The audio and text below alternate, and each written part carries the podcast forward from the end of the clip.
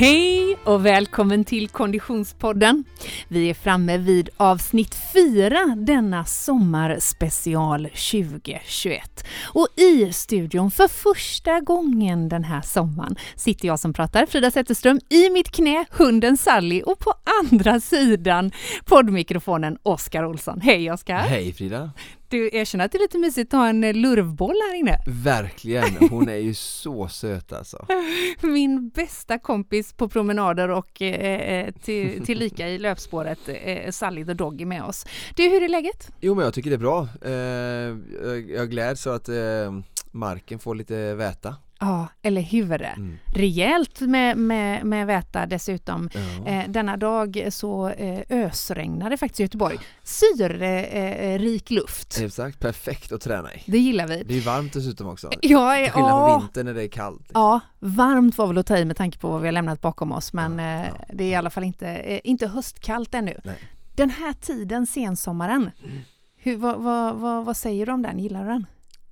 Alltså jag, eh, jag är ju sån, jag, tänker, jag är en sån person som oftast inte kanske drabbas så mycket av årstider eller olika modes för att, eller, eller väder på det sättet, jag kan ju inte påverka att om det är augusti lite sådär, alltså tiden går ju alltid och ja. vädret är allt vad det är, hur du jag än du, gör Du menar att du kan så inte påverka tiden? Nej, och så, svaret på din fråga är liksom såhär, hur är det sån här period? Jag menar, eh, hur jag har det är alltid en konsekvens av hur jag, vilka val jag har valt att göra för att hamna i en viss situation mm. Oavsett om liksom det är augusti eller så, jag menar att det påverkar inte mig Fast man eh, kan ju ändå ha en preferens eh, Ja, och preferensen eh, menar jag bara inte, har inte, inte beroende om det är augusti eller juni utan det är väl om det är liksom hur det är i livet övrigt menar jag. Okej, okay, ja. Jag, jag, jag, förstår vad du menar. Eh, att, att du, jag tänker så här att må, du, du ställer, vi ställer den frågan ofta ah. och då säger folk så här, ja ah, det är lite tufft för att jag har haft semester och, och, haft väldigt gött nu och ledigt och nu ska jag tillbaka till jobbet som jag hatar och eh, det är en ganska tuff period för att man ser att det är hösten framför sig och det är grått och regn i Sverige och ah. det är mörka dagar och inte så många ljustimmar och sådär.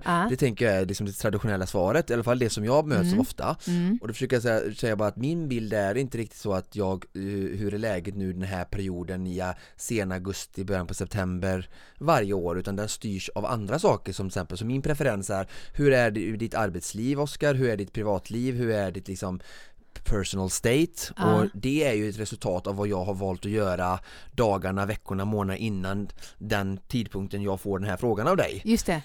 Um, så det var ju ett lite invecklat svar nu men du förstår Nej, vad jag menar? Jag förstår att, precis ja. vad du menar. Och eh, jag eh, har lite utmaningar i livet just nu som jag kämpar med Eh, så att det är väl liksom, det är inte superbra just nu. Eh, men samtidigt så är det ju som bara en del av livet och eh, situationen jag befinner mig är bara ett resultat av alla mina val jag gjort sedan jag var liten. Just det. Eh, eller den senaste veckan eller senaste månaden. Så att eh, jag tar mig igenom och jag ser med tillförsikt framåt och jag är alltid den här liksom, dumma optimisten jag på att säga men den här eh, o vad säger man, obotliga optimisten. Ja, det är vi å andra sidan väldigt glada och tacksamma för eftersom det skvalpar ju över energi och glädje även på oss övriga. Eh, eh, så det, det, det, det är ju fint. Och det finns bara ett håll, det är uppåt liksom. Uppåt framåt? Ja, ja bra. Ja, okay. uppåt är framåt. Det är dit vi är på väg, det är jag härligt. Är ja, ja, jag tänker att jag gör lite följe i det där då. Ja. Även om det fanns väldigt många eh, eh, eh lösa trådar jag skulle vilja plocka upp där, men det är en helt annan podd känner jag. Så att vi får, vi får ta ett steg i taget i alla fall. Vi är glada att du, du som har eh, satt på det här avsnittet eh, har gjort just det och vi hoppas att vi får hålla dig i handen eh, in i sensommaren. För vi kommer att prata lite om eh, eh, sensommarträning och, och lite grann en nulägesanalys. Kanske inte så mycket av hur vi mår generellt i livet, även om vi ofta snuddar vid det, men kanske framförallt hur eh, vårt träningsjag mår i livet i dagens avsnitt.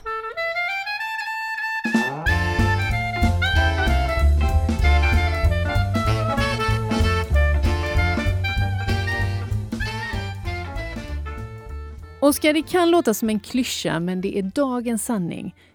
Utan sponsorer ingen podd. Nej, det är faktiskt så. Vi är så tacksamma att de är med och gör det här uh, sommarspecial möjlig. Mm, verkligen. Och vi har ju några eh, godingar eh, som har hängt med oss under en lång tid. Eh, eh och en av dem, en av de kanske mest trogna vi har, är ju våra kompisar på Essex. Verkligen.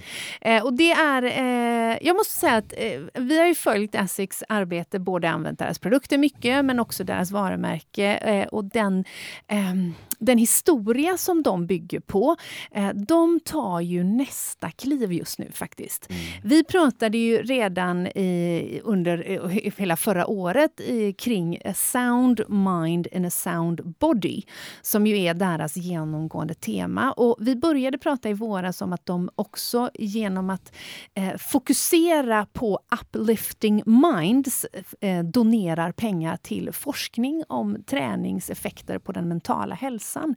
Och jag måste bara, eh, det är egentligen inte det vi ska prata om, men jag måste bara nämna att man kunde då i våras eh, via hashtag eh, eh uplifting minds donera pengar, eller de donerade pengar för varje hashtag som publicerades. Och jag vet att det är någonstans över 70 000 gånger blev bilder eh, eh, taggade med Uplifting Minds, vilket ju genererar, in, genererar enorma pengar faktiskt. Två pund per, så det är 140 000 pund. Bara. Ja, men det är in, enormt häftigt faktiskt. Och Mind Charity heter eh, samlingsnamnet kring eh, den, eh, där den forskningen bedrivs. Men nu tar Asics eh, det här ett steg vidare. Eh, man fortsätter att jobba med Uplifting Minds i form av, det kommer vara olika aktiviteter under både sommaren och hela hösten där man kommer att uppmuntra till att eh, hashtagga uplifting minds och på så sätt vara med och, och skänka pengar. Men de har också en ny grej där du som atlet faktiskt kan testa vad träning gör med din mentala hälsa. De har lanserat ett visualiseringsverktyg eh, av hur sinnet påverkas av träning. Och här kan man vara lite skeptisk om man heter Frida Zetterström. Mm. Men jag har tittat på detta. Mm. jag har testat. ja, jag, jag, har faktiskt inte, jag har inte testat det i praktiken när jag själv har tränat ännu. Det ska jag göra, det ska jag göra i sommar. Men jag har tittat på själva verktyget och det handlar om att man går in på eh, Uplifting Minds, eller uh, Mind Uplifter, förlåt, minduplifter.asics.com. Ett man, verktyg alltså? Ja, där är, där är det ett, ett verktyg som man eh, laddar ner eller man fyller i. Mm. Det är mm. som en, eh, en gadget eller ett, mm, ett verktyg. Mm. Eh, för det är inte en app egentligen. Du behöver inte en app utan du bara går in på Mind Eh, minduplifter.essex.com och sen så fyller du i, du gör en ansiktsskanning precis på samma sätt som du skannar en eh, QR-kod när du ska läsa en meny. Eh, så skannar den här ditt eget ansikte och sen svarar du på ett antal frågor. Sen är du ut på din träningsrunda, minst 20 minuter ah. och sen gör du samma sak igen. Och det här verktyget Utvärdera. kommer då exakt att ge dig svar och utvärderingar på vad den den fysiska träningen som du har förutsatt dig att göra ger för effekter på ditt eh, psykiska välbefinnande eller din mm. mind. Och jag, alltså jag gillar detta. Jag gillar att de tar ett steg i den eh, mentala riktningen ytterligare. Och framförallt det är ett verktyg som engagerar användaren eller människor överhuvudtaget runt om i världen. Och jag tror någonstans att för att ska vi få förändring så krävs det lite individuellt engagemang och mm. att folk inte bara sitter och läser utan får göra någonting. Så att jättespännande grej, just ett verktyg och som kräver lite engagemang och att du får lite som sagt, som använder också svart på vitt. Mm. Eh, hur kände jag mig efteråt? Att, och, och, verkligen trycka på, även om vi människor ibland kanske vet de positiva någonstans långt inne effekterna, effekterna ja. så får vi det ännu mer, kanske lite mer så här när du får göra det här mm. momentet, att det verkligen kan bli så här, ah men shit, jag borde mm. ju verkligen fortsätta med detta. Och så kan man naturligtvis spara ner sitt resultat och publicera det på sociala medier, men också kanske, tänker jag, mest jämföra för sig själv och se eh, förhoppningsvis en positiv utveckling. Eh, så in på minduplifter.asics.com eh, och testa på detta, eh, tycker jag. Tack så mycket Asics för att ni både bidrar till fysisk och psykiskt eh, välbefinnande och för att ni är med oss i Konditionspodden. Men du, eh, träningen den här sommaren, Oskar, den mm. kommer ju för många av oss bedrivas på diverse landsvägar, men kanske också framförallt i vattnet. I varma hav hoppas vi många får ja, Det är faktiskt rätt varmt redan nu. Ja. Men även om det är varmt så är det ändå så att eh, eh, en våtdräkt är eh, vad som behövs för att man ska kunna ta sin träning till nästa nivå. Verkligen, alltså kortare simturer kan ju de flesta göra, men jag kan säga, jag talar av egen erfarenhet som har simmat 2000 meter i, i, i barbyxor i 23 grader vatten, att mm. till och med det kan kyla ner. Så att ska inte underskatta att vara i vattnet för länge. Mm. Men har du en våtdräkt så, så kan du vara i en timme och simma utan problem, mm. utan att bli nedkyld och, och längre därtill. Vilken tur då att vi har med oss en sponsor och poddpartner som är specialiserad på just det. Verkligen. Eh, Orka som mm. var med i vår förra sommarspecial också mm. faktiskt, när vi hade lite fokus på swimrun, eh, kommer vara med oss den här eh, sommarspecialen som vi nu gör med de här avsnitten och eh, har ju ett avsnitt som fokuserar på open water som mm. vi kommer prata om, men även bassängsimning och de har ju fullt med prylar men i det här mm, tänkte jag att vi skulle lyfta fram deras nya, de har fått två nya modeller i år eh, som är specifikt för instegsmodeller för de som vill testa på öppet vatten. Mm. Eh, och de har faktiskt gjort, de har faktiskt en direkt för bröstsim som är eh, eh verkligen för dig som verkligen inte känner att du kanske vill kråla men bara mm. testa det med vatten och bara simma. Eh, som eh, ja, Wiz, den ehm, eh, den är väldigt tydlig, synlig. Ja, orangea armar ah. och, och, som, som vi, High visibility. Ja, som ska göra att det verkligen syns. Och det finns ju båttrafik ute som mm. är ack att eh, förringa mm. när vi ger oss ut. Eh, och, eh, och sen även då en eh, Orka eh, TRN då som är för mer för training då för mm, dig som, som mm. ja, kan kråla. Eh, och en instegsmodell för eh, 1995 mm. så ett väldigt bra pris för en, en, en bra instegsmodell. Var hittar jag de här dräkterna? Ja, det är ju Vencanto.com mm. eh, som, är, eh, som har eh, agenturen för Orka mm. i, i, Sverige och Norden. Så att in på vencanto.com mm. och eh, i och med vårt samarbete med Orka så kommer vi faktiskt också lotta ut Yay! en dam och en herrdräkt. Så du som verkligen känner att jag är på väg att testa det här med vatten, jag skulle jättegärna vilja vara med. Så vi kommer launcha en tävling här eh, på sociala medier under sommaren mm. som varar under den här sommarspecialen. där vi kommer till slut att dra en vinnare, en herr och en dam. Mm. Eh, och kommer även se till att ni får ett par glasögon och en sån här safety boy som man har med sig för att synas ordentligt när du är ute på din öppen vattentur. Snyggt! Så in på Konditionspoddens Instagram alltså och tävla om dräkter från Orka eh, och Vencanto eh, så att du också kan ge dig ut i vattnet i sommar. Tack så mycket Orka för att ni hänger med oss eh, hela den här sommarspecialen. Men du, Oskar, eh, vi har ju en tredje poddpartner med oss och, och, det är den som vi kommer bära under våtdräkten. Precis. Förutom simträning så är det ju faktiskt skönt med lite, jag tänker lite rosé, lite sola, sola på klipporna, bada, se lite sommarfräsch ut med lite härliga färger. Eh, så är det ju kul med ett eh, snygga kläder och även som vi kommer att prata om bassängsimning så mm. har ju även vår partner Nike Swim, förutom mm. att de har väldigt snygga badkläder som vi fick se i tv-rutan vi gästade Nyhetsmorgon, så har de även eh, det, simkläder och eh, glasögon och dess olika simutrustning för bassängsimning. Ja, just det. Nike Swim är ju vår poddpartner under eh, den här eh, sommarspecialen. Var faktiskt inte vår partner när jag hade med mig dem på Nyhetsmorgon, vill jag bara ah, poängtera. De fick Men, lite... Ja, de extra. fick vara med därför att jag pratade badkläder och det, eh, då, då var det i allra högsta grad eh, eh, på sin plats att vara med. Av den enkla anledningen att, för jag är ju faktiskt också då modejournalist. Inte bara sportjournalist. inte bara sportjournalist. Nej, det kan jag inte titulera mig. Men eh, Nike Swim gör ju, eh, de kommer ju naturligtvis från ett idrottsligt arv i, i grund och botten. Och vi ser den trenden inom badkläder och badmode väldigt tydligt. Att eh, funktionen får följa med även när det bara, säger jag inom citationstecken, ska vara snyggt och trendigt. Eh, och det där här är en, en ganska härlig trend tycker jag. Det vill säga att eh, om man tittar på bikinis till exempel så är det ju ändå så att även om du inte ska ut och köra open water eller ett, en swimrun eller träningspass så vill man kanske dyka eller vara liksom fri och åtminstone simma några längder. Och då är det ju väldigt grymt att, att badkläderna kommer från det idrottsliga arvet. Mm. Ur ett stilmässigt perspektiv så skulle jag säga att eh, en Nike Swim har ju en mängd olika stilar och inriktningar. Allt från eh, små eh, speedos eller eh, liksom små bikinis till mer eh, täckande badkläder ehm, och även liksom större shorts och sådär. Men en rolig trend som jag hittade när jag gick igenom kollektionen och tittade är den som flörtar lite retro tillbaka till lite 90-tal. Alltså där vi ser de neonfärgade detaljerna, de högt skurna baddräkterna, eh, de här lite blockmönstrade och, och ganska vida, nästan lite Bermuda-shortsiga eh, eh, badbrallor med mycket mönster och lite så starka färger. Du får inte glömma att träna i allt det här äh, badmodet du ska använda nu och fluktuera i.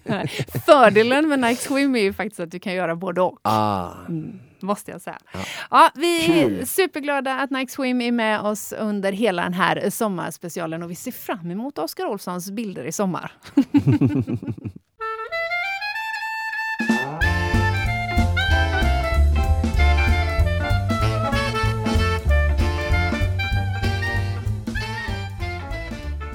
Ja, så himla härligt att vi har med oss våra poddpartners. Och eh, den här tävlingen som vi pratade om på Instagram, mm. den vill jag bara poängtera lever augusti ut. Mm. Så du har fortfarande chans, du som lyssnar, att tävla om eh, våtdräkt. Både herr och dam. Ja, vi låter ut en dam och en herrdräkt för eh, nybörjare som vill simma Open Water. Just det. Mm. Mycket, mycket bra. Eh, augusti ut alltså pågår tävlingen på Konditionspoddens Instagram. Missa inte det. Och när vi ändå pratar om tävling. När du och jag hördes sist, eh, då var det på, på länk. Jag satt på Körn, du var i Alingsås. Ja, hos farmor, precis. Just det. Eh, och då skulle ju du, eh, precis, du var i uppladdningen inför eh, Ö till Ö Gothenburg, eh, den stundande tävlingen som gick av stapeln den 7 augusti. Mm. Hur gick det? Ja men eh, vi hade tur igen som jag brukar säga. Det. Och lyckades vinna loppet med inte så många incidenter. Mm. Eh, så att vi hade en bra dag, jag och min partner Adriel som jag också nu då eh, ska ehm, köra VM med, ÖTÖ VM i Stockholm. Så eh, det var en bra genomkörare och ett bra kvitto för oss båda. Det var ju bra lag på startlinjen som också kommer vara med i VM så att mm. mäta sig lite mot dem och se att att vi inte är helt off pace för mm. att vara med och tampas där framme om VM-guldet. Det här var ju eh, eh, första gången som den här bansträckningen och den här tävlingen hade eh, rubriken Ö till Ö, Ö till Ö Gothenburg.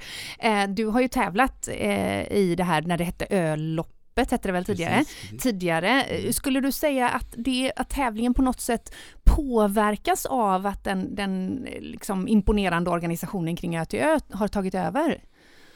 Ja men alltså, det här är en jättebra diskussion jag, vi kanske inte har tid att stanna här för länge men jag vill, alltså både tävlingen och sporten ligger mig så varmt om hjärtat så vill jag ändå uppehålla mig här lite mm. för det är en väldigt bra fråga um, Öloppet har ju varit en av de absolut största swimrun-tävlingarna eh, i världen eller i Sverige i alla fall eh, och väldigt poppis och den är en av de äldsta mm. Det har varit ett grymt eh, gäng med Henrik Hartman i spetsen som har drivit tävlingen och den har varit väldigt omtyckt just hur familjär den är eh, ur ett organisationsperspektiv. Just det här att vi fick eh, grym frukost innan start och bra liksom, leverans med båtarna transport ut. Eh, och sen bra mat efteråt och, och ja, allmänt häng då. Det, det är det organisatoriska. Och sen så är ju tävlingsbanan extremt unik för att vi springer ju igenom eh, eller över massa öar mm. där folk har sina sommarstugor och eh, dessa invånare och människor är så eh, säga, välkomnande mm. eh, och glada att vi tävlar för att de går liksom ut och har liksom saftbord och, och extra liksom vätskekontroller till de tävlande och skyltar och det är otrolig glädje och, och liksom folkglädje och folkfest ute på alla öarna som vi passerar. Nere på Vrångö är man ju långt ner där och, och det är liksom fullt med folk ute som följer och hejar och så, så, och det är ju den andra saken som inte riktigt har med alltså tävlingsorganisationen utan mm. det är ju någonting som lever som säga, ändå utanför organisationen men mm. Fast ändå positiv, sker i symbios Exakt och, mm. och, som är en del av tävlingen eh, Men det är ju ingenting som arrangören kan påverka utan det mm. händer ju bara för att det är så himla trevliga människor som bor på de här öarna mm. eh, så, så där har vi de här två aspekterna då, det här med som jag sa med folket Det har ju varit, eller med de som bor, öborna, det har ju varit kvar, det var ju kvar i år mm, Sen nu då så kommer det som då som du säger en annan organisatör in och ÖTÖ är ju så att det är ju den största eh, liksom arrangören i våran sport och de är ju extremt professionella mm. och, och liksom, de har hållit på med det här längst och är ju någonstans där vi, de flesta ändå tittar och ser upp till så att jag tycker det var grymt som vanligt, alltså mm. det är mm. alltid proffsiga event där eh, det blir såklart lite annorlunda men det var tyvärr tror jag alltså lite alla vi som kör ÖTÖ vet ju hur bra det är. Uh -huh. Jag tror att Öloppet har haft lite en annan kategori av målgrupp, alltså de har ju så självklart haft alla vanliga swimrunners, de har haft liksom andra motionärer också Just som det. inte kör så mycket ÖTÖ men som kör lite små lokala swimrun och sen så kör de öloppet och jag tror att det fanns en förutfattad mening om att nu när öloppet går i graven, citationstecken, mm. Eh, det gör det ju inte riktigt för det lever verkligen vidare med den fantastiska banan bara i en annan regi.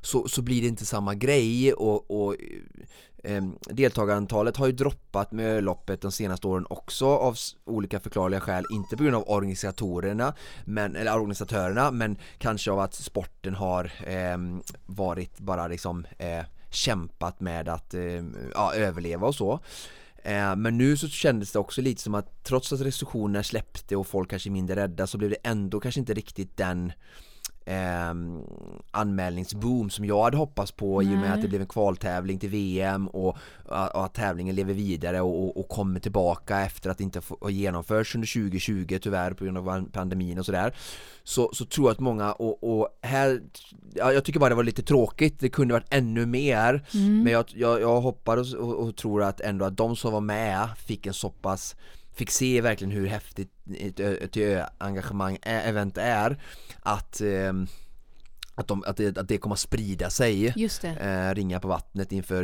2022 när det liksom kommer att fortsätta och vara en, en världscuptävling. Och jag, till alla er som har tävlat Öloppet innan och inte var med i år så kan jag säga att liksom, eh, ur deltagarsynpunkt så, så var det liksom ingenting som var sämre mm. utan snarare tvärtom och mm. starten var flyttad så de är väldigt duktiga på att göra spektakulära, spektakulära event ÖTÖ såklart så de har flyttat upp starten till toppen av Styrsö För det första så blir det en längre löpning vilket var smart för att det inte blir så trångt vid första simningen så loppet hinner dras ut och sen bara stå där uppe och bara se typ hela ah. Göteborgs skärgård bara den Alltså start, det blir ju inte mer Nej, det var så häftigt liksom att få med Eh, för man har ju massa andra eh, delar av banan som är väldigt eh, eh spektakulära ur ett mm. liksom Sceniskt perspektiv. Ja, sceniskt perspektiv så ja. Men nu fick vi även starten där liksom och sen målområdet var ju samma som alla andra år och, och sådär på Styrsö så det var ju liksom jättebra.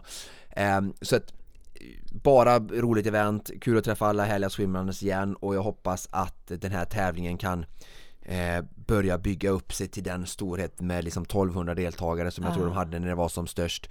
Eh, och, och, och då liksom under ÖTÖs flagg som, som är en en, en världscuptävling som är liksom, gör att det hela tiden det blir lite mer proffsigare och lite större och, men ändå som liksom det, det verkligen är inkluderande men de har ju eh, sprint och, och, experience då för kortare distanser verkligen för att öppna upp för den breda massan Just också det. att få testa på vid sidan av de som är lite mer eh, högpresterande och elit och, och sådär så att Nej, jag, jag ser det positivt med framtiden och det, det, det är en sån eh, härlig, det är som det är rätt i tiden, det är mitt i semestern eller slutet på semestern och det är varmt och fint väder nästan jämt. Mm. Vi hade en jättefin dag i, i år igen och ja, superevent. Det blev lite långrandigt där kanske. Nej, men, ja. men det är intressant och jag tänker också att, att det är ju ett, ett, eh, det är fel år att döma eventet eftersom precis som du sa så är det klart att eh, eh, pandemin påverkar säkerligen eh, många fortfarande, kanske inte, inte minst ur ett internationellt perspektiv eh, där man kan tänka sig att det framöver kommer bli fler internationella deltagare. Eh, Absolut. Mm. Och, och, det kanske vi ser effekterna av först 2022 kanske, ja, ja, förhoppningsvis. Men, men spännande spännande och stort grattis då! Ja, tack snälla. Det var, var roligt. Vi är stolta eh, och Konditionspoddens eh, vägnar att du försvarar titeln och, eh, och så. Och precis som du sa att det är då ett styrkebevis framåt, för det är klart att det är nu det gäller ändå. Ja, visst. Det är precis det nu. det var ju väldigt stor tävling och, och, roligt att vinna den och så och viktigt på, mm. på alla sätt. Men det är ju första måndagen i september som gäller i våran sport, det är den som räknas någonstans. Just det. Mm. Det är och, vårt OS. Det är Utan att låta ja. på något sätt högtravig och absolut inte jämför detta med OS men i vår lilla värld så blir det ju det, största som vi kan vinna. Just det, vi pratar alltså om Ö till Ö i, i Stockholm, Sandhamn till Sandhamn Utö. Till Utö. Och det är den 6 september som sagt som mm. det här kommer att gå av stapeln. Du kommer ha Adriel vid din sida. Då igen ja. Mm. Och hur känns det då? Var är, var är du i, för igen, vi pratade ju igår och, och när jag sa att nu, var är vi nu då i, i formtopp avhoppningskurvan och då skulle du väl egentligen du är maxläge nu va? Ja precis, jag tränar så mycket jag hinner. Nu var det studiedag på dagis igår så det blev ofrivillig vila. Men eh, idag är det hårda intervaller och nu till helgen väntar många timmar eh, träning. Så det är sista pushen här nu. Så att eh, det känns ändå relativt enkelt situationstecken att, att ta sig igenom. För någonstans är, så har det varit väldigt mycket träning mot det här målet sen de sista två veckorna när jag börjar släppa upp på träningen och jag får vila lite så är det ju också den vilan är ganska efterlängtad då yeah. um, men jag, jag känner mig uh, mer än förberedd än något annat år innan och Bra där! Uh, ja, men så är det ju. Jag känner mig väldigt förberedd 2019 också och, men då var det ju andra saker som hände men Eh, nej men jag känner verkligen att jag har gjort allting jag kunnat mm. och jag, jag önskar att det var den 6 september imorgon. Eller missförstå mig inte men, men, jag är verkligen eh, ah, inte så nervös utan mer eh, hungrig. Just det. Mm. Gud vad spännande! Vi är så himla glada att få, att få om inte hålla dig i handen, för det är det ingen som hinner med att göra, men mm. åtminstone få, få, eh, få följa med på resan. Ja. Eh, eh, och det är ju så att om du som lyssnar inte redan gör det, så missa inte att följa eh, Oskar på eh, O23 på Instagram, för där är du ju generös då och då, ska vi säga, mm. med, med att eh, låta oss följa med på träningsrundor och annat. Jag försöker lägga, inte, jag, jag, förut så var det väldigt mycket att jag la upp liksom så här, jag försökte vara som eh, de flesta lägger ju upp liksom stories varje dag och att det ska vara en typ av kontinuitet och så Eh, ja, men nu försöker jag hålla, alltså det som är värt att lägga upp eller sådär men jag känner så, så det brukar väl ändå hända lite grejer där. Ja men det gör det och jag mm. tänker nu inför, det är ju spännande att få hänga med inför eh, för Ötjö nu. Ja, Tycker det, jag verkligen. Det är roligt. Ja, mycket mm. kul. Eh, och, och, vi eh, ser fram emot då eh, eh, en rapport vad det lider. Men, mm. men hur långt har vi kvar rent träningsmässigt innan du går in i, i vilafas då? Ja men sista långpasset blir på söndag. Ja. Och då är det? Fem timmars swimrun. Såklart. Såklart. Ja, just det. Det är ju inte vad jag kommer göra på söndag. Nej, eh, så vi bollar över vägen. Hur är det med dig i nulägesanalys, eh, träning, tävling? Ja, kära vän. Eh, vi brukar ju ofta stå ganska långt ifrån varandra när det gäller eh, eh, träningsmängd och eh, så. men så här långt har vi nog aldrig varit Nej. ifrån varandra. Nej. Eh, skämt åsido så är det ju så att om man hänger med mig på Instagram så kanske man redan vet att jag... min sommar blev inte som den skulle. Nej. Utan för eh, två månader sedan så gick min pappa bort i en olycka. Och därav så fick jag träningsverk i själen. Mm, såklart. Nej, men det, och det är faktiskt så att eh, om vi ska ta eh, den träningsmässiga aspekten av detta, vilket ju är intressant i det här forumet, så är det klart att jag såg inte fram emot att köra en sommar med en Ö-TÖ-uppladdning, men jag hade ändå vissa ambitioner och jag gick ju in i sommaren faktiskt med en tanke om att du och jag skulle hälsa på Colting och vi skulle göra lite swimrun och jag skulle så fortsätta min löpning och kanske definitivt eh, göra ett eh, besök på Hermanne Trail och lite sådär. Och springa. Och jag brukar ju faktiskt springa mer på sommaren än vad jag gör resten av året för eh, det brukar öppna upp mitt sinne för det. Eh, men i samband med den chock som faktiskt min pappas bortgång mm. innebar. Han, han eh, gick bort i en olycka, 69 år gammal, högst oväntat kan man säga. Um, så blev jag nästan lite handlingsförlamad i kroppen. Mm. Och jag måste säga att jag har, varit lyckligt lottad i att inte vara exponerad för den sortens sorg tidigare.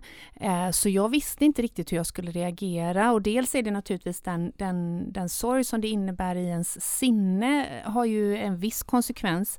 Men också så måste jag säga att den fick en fysisk eh, konsekvens som jag inte var förberedd på. Där jag inte orkade röra mig vissa dagar. Du sa att du berättade för mig eh, häromdagen att du till och med blev andfådd när du gick upp för. Mm.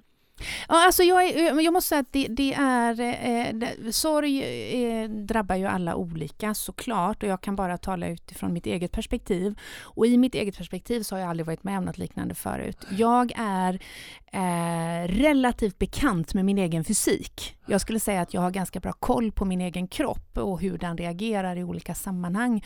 Eh, vad jag tål, vad jag inte tål, vad jag mäktar med, hur mycket jag kan pusha och så vidare. Och i det här hade jag, har jag aldrig tidigare upplevt. Eh, utan jag blev eh, helt toktrött i kroppen. Vaknade varje morgon med ont på olika ställen och liknande.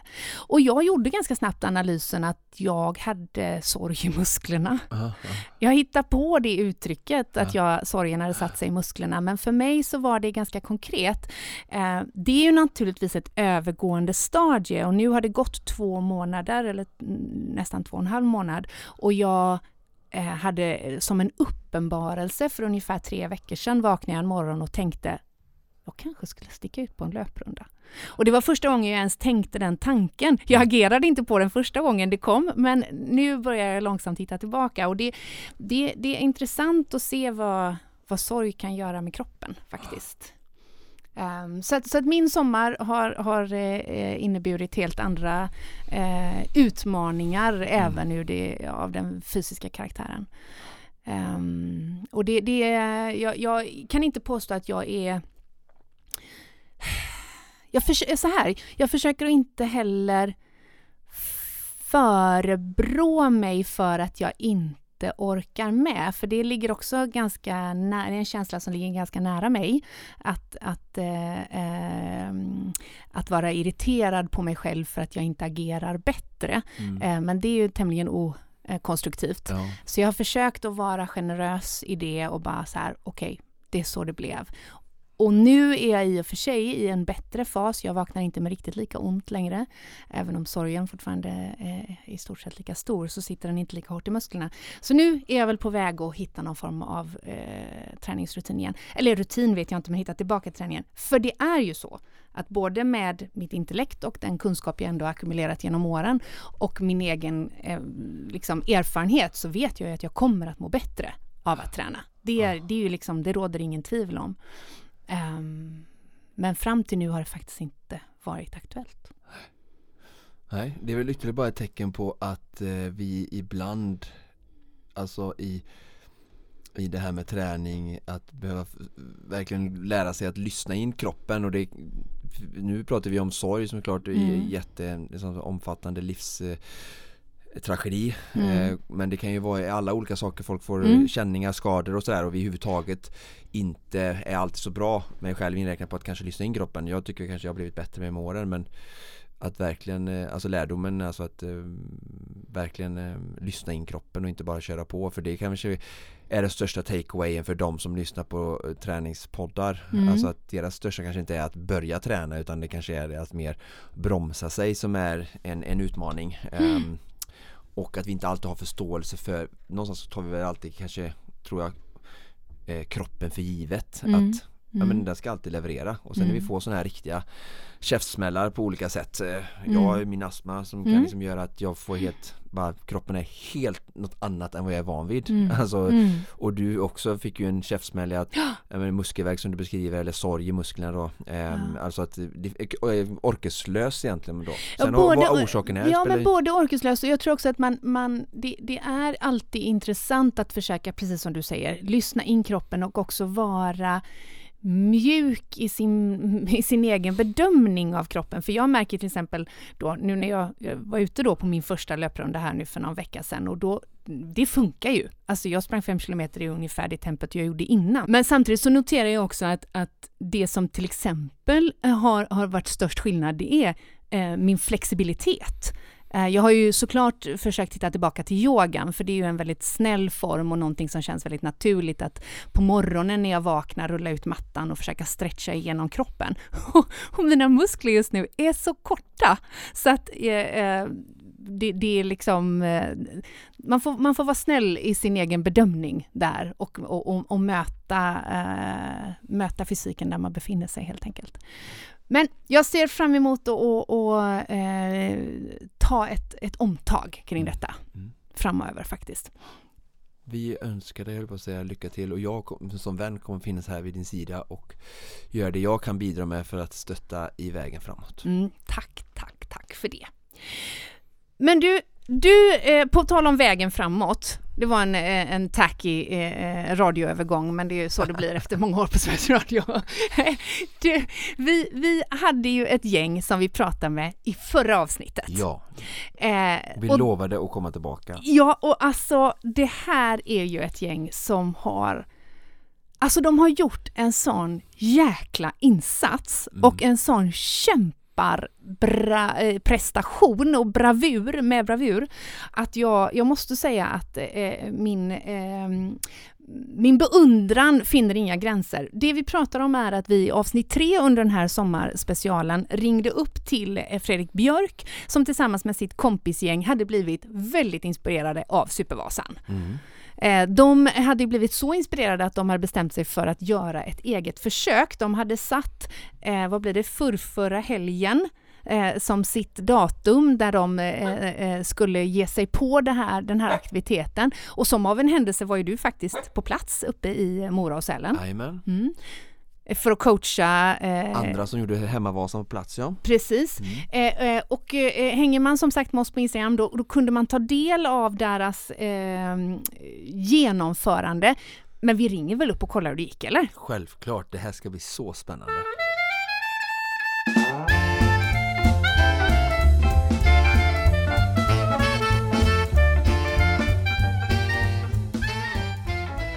Oskar, nu är vi ju nära någon form av rekord. Inte bara i eh, eh, aktivitet, i fysisk prestation, utan också i antal deltagare i podden tror jag. Ja, verkligen. Vi är ju sju nu. Med på länk har vi nämligen fem stycken atleter. Hallå gänget, ska vi få ett unisont hej från er? Hallå, hallå! Hallå där! Hallå. Underbart! Samtliga fem eh, atleter är alltså med på länk och det är då Fredrik gånger två, eh, Anders, Dan eh, och Peter eh, som vi eh, har med. Ni som för, vad är det, en och en halv vecka sedan eh, eh, gjorde en eh, tämligen imponerande prestation. Om vi återkopplar eh, lite snabbt till Fredrik Björk som var med i förra avsnittet av eh, Konditionspodden. Vad, för den eh, lyssnare som händelsevis inte då lyssnade på det avsnittet, vad är det ni har gjort Fredrik? ja, vi blev, vi blev så inspirerade av er så vi var ju tvungna att testa på det här med, med Supervasan och testa om det verkligen var möjligt eller inte. Eh, så det har vi gjort nu. Mm. Var det möjligt eller inte? Ja, det visade sig faktiskt vara det. Om, om att det tog lite längre tid för oss då, men det var väl inte heller någon ambition att vi skulle utmana några tider, utan, utan ambitionen var att vi skulle ta oss runt. Mm. Eh, och det vi pratar om är alltså att göra en, en egen variant utav original Supervasan. Eh, eh, Sälen till Mora eh, först på rullskidor, Mora till Sälen på, på cykel och sen löpning tillbaka. Oskar, du befann dig ju i, i området samtidigt. Jajamän, jag var där uppe och jobbade och coachade några som gjorde Hemmavasan på plats mm. så att eh, jag hade ju till och med möjligheten och äran att få heja på dem lite och göra en sån liten check-up längs eh, cykeldelen. Mm. Eh, ni var fem som startade. Eh, samtliga fem genomförde eh, längdskidåknings eller rullskidåkningsmomentet. Eh, Peter, eh, hur skulle du säga att eh, den första sträckan var? Den, var, den gick faktiskt lättare än förväntat. Vi tog det väldigt lugnt och lyckades även få en eh, support crew som var med på rullskidsdelen, vilket var väldigt viktigt. För egen del så hade jag varit, eh, jag och Anders, eh, eller egentligen allihopa var där och testade backarna i Evertsberg dagen innan. Och då hände det en liten olycka där jag lyckas köra i staven framför mig och bröt staven och eh, ramlade och gjorde illa ryggen. Men eh, det var okej. Okay. Det, var, det var ändå det var liksom ingen fara utan jag, jag kunde köra loppet ändå. Men, men det höll på att gå lite illa där. Mm. Eh, och, och, ja, så att jag tycker att rullskidorna, det gick bra. Vi tog det ganska lugnt och framförallt väldigt lugnt i nedförsbackarna då, de där två.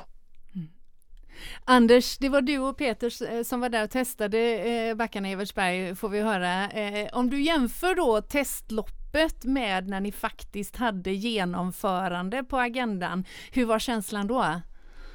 Ja, men det, det, var ju, hade ju regnat under natten så farten drogs ju ner något när vi testade så att det kändes som i starten, det är en ordentlig stigning först. Jag var lite förvånad att eh, Vasaloppsvägen var så kuperad som den var. Så att efter första stigningen och när vi kom in i åkningen så blev det liksom, det var lugnt kontrollerat. Vi fokuserade på att dricka och äta hela tiden. Det tror jag var en nyckel att hålla nere pulsen. Och sen, eh, jag åker rätt mycket rullskidor själv, men jag tyckte de här backarna runt Evertsberg är ganska läskigt. Liksom. Det är full fart ner och det kommer lite trafik och annat så man får, man får hålla avstånd och, och ta det lugnt nerför.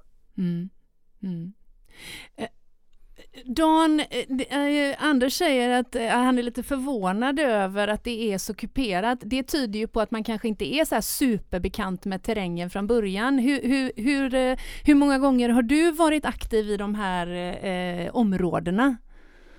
Jag har varit Vasaloppet på vintern två, tre gånger. Men eh, aldrig rullskidor i området. Och, eh, vi är ju nere från eh, mellersta Sverige allihopa och det är en annan kupering. Och oftast så mm, kanske man inte åker rullskidor i den här typen av backar. Åtminstone inte där som vi vanligtvis håller till. Och det var väl någonting som vi pratade lite grann om, att man behöver testa att köra backar, lära sig bromsteknik på ett bra sätt och såna här saker. Men ändå så var det det var en utmaning att ta sig ner för de här backarna, speciellt efter Evertsberg. Mm. Jag älskar ju det här liksom noggrannheten att ni åkte ut och prova Känner ni till att jag gjorde exakt samma sak både i oktober och nu i juni? Eh, fast jag hade åkt liksom i oktober åkte jag ju Men sen nu så eh, bara för att jag ville vara förberedd och inte ja, få någonting oväntade, asfalt, alltså asfalten var konstig.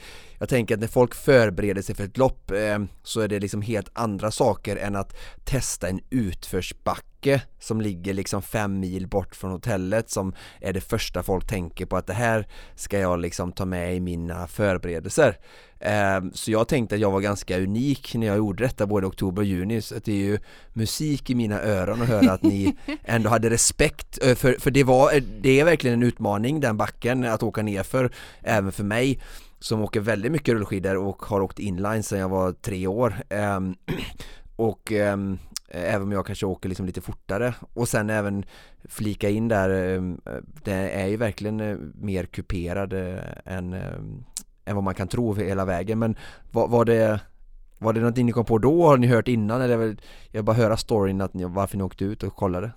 Ja, ja eh, Peter här då. Jag, jag hörde ju att Jonas Kolting hade sprungit ner med skidorna där så ja. då tänkte jag att då, då är det ett bra tecken och det var ju på eran podd så att Eh, då kanske det är bra att testa den där innan. Bra! Eh, men, eh, men jag, jag, tror nog att när vi hade våran, eh, när vi hade lite dialog här på Messenger innan så pratade vi om att förbereda oss genom att testa sådana saker.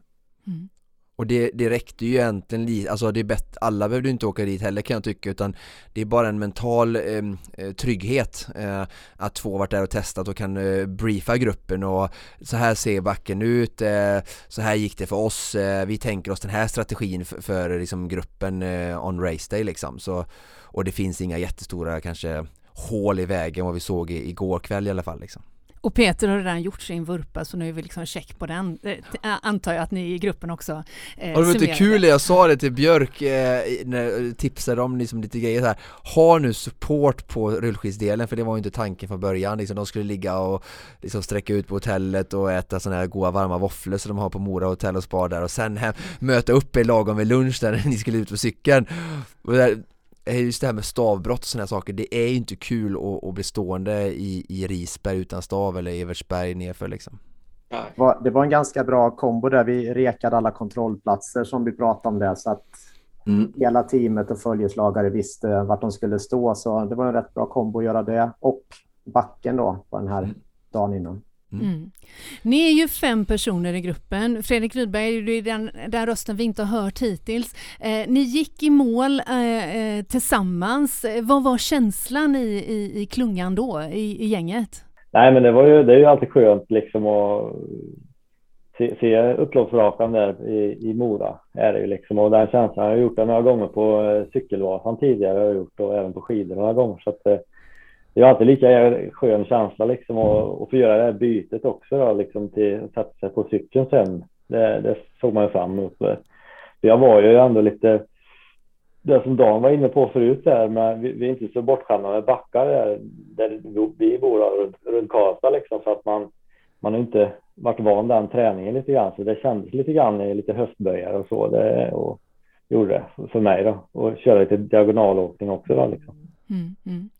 Eh, det, det, Konditionspoddens lyssnare ser ju inte att samtliga fem huvuden nickar väldigt instämmande på att det faktiskt kändes lite i, i, i höftböjar och, och Jag annat. kan också stryka under det på att både baksida lår och eh, höftböjare kände jag också själv mycket just för att det är mycket uppförsbackar. Mm. så att man, eh, man går ju, man har liksom en liten så här pumpteknik i rullskidor för de som inte åker rullskidor där du liksom är så, det är som en kompressionsrörelse där höftböjare används och baksida lår. Och sen även också då så eh, jag då som verkligen försökte jaga fart så sitter ju väldigt mycket i fartposition nerför där du också då är liksom böjd i höftböjare och böjer i knäna så att du har ju liksom en aktiv tonus i baksida lår också när du sitter i någon typ av jägarställning då eller fartposition.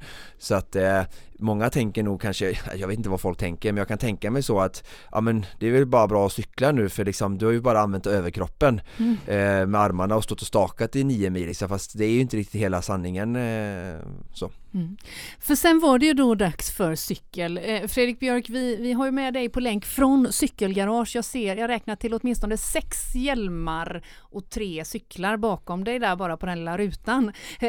och det fick vi ju höra i förra avsnittet, det är kanske din eh, primära historia, har cyklat en del. Vad, vad, var känslan när ni gav er ut på eh, eh, delsträcka nummer två, cyklingen? Ja, men känslan som, som Rydberg sa här, det här man siktar lite åt att få byta disciplin. Sätta mm. sig på cykeln här, det var något vi pratade om till slutet på rullskidan. Vad skönt det ska bli att byta. Och också det här målet att känna att det vi stod, såg den stora risken på rullskidor, här kan det hända olyckor, här kan det ske saker och ting. Eh, det var avklarat. Alltså sätta sig på cykeln, det var fantastiskt härligt. Och, och lite som du säger, jag har cyklat mycket så där kände jag, men här är min disciplin. Samtidigt som, som jag var också sliten i benen. Jag hade fått jobba mer än vad jag trodde i rullskidorna och tänkte att, att eh, fasen hur ska det här gå nu när man sätter sig på cykeln? Jag, jag, kanske, jag kanske bryter igenom här det som ska vara min disciplin, men, men, eh, ja, men det gick ganska bra ändå. Mm, mm. Och Peter, du hade ju då en olycka några, lite innan eh, och, och, sen så var det dags att börja cykla. Hur mådde kroppen då? Ja, jag kände faktiskt inte av det så mycket. Det var som en liten uppvärmning med den där rullskidan. Jag hade mjukat upp eh, sätesmuskel och ländrygg. Eh, och, nej, men jag, jag, jag var också så här att man, man, man byter ju gren, det blir lite enformigt och, våra rullskidor tog väl runt sju timmar tror jag. Så då, det, var, det var ett skönt byte. Sen började vi ganska lugnt med cyklingen så att jag, jag, jag, jag tyckte det kändes bra. Um, men sen lite senare i Webertsberg så började det regna lite mer, det blev lite kallt. Uh, själv så har jag med mig en, uh, en liten learning point att jag skulle haft en lite bättre jacka. Det blev lite kallt där. Mm, mm. Det, det är många eh, faktorer här eh, och en sak som jag tycker är spännande överhuvudtaget när vi pratar om olika typer av utmaningar som denna där inte du riktigt kan, du kan ju inte riktigt testa en supervasa innan eh, själva genomförandet.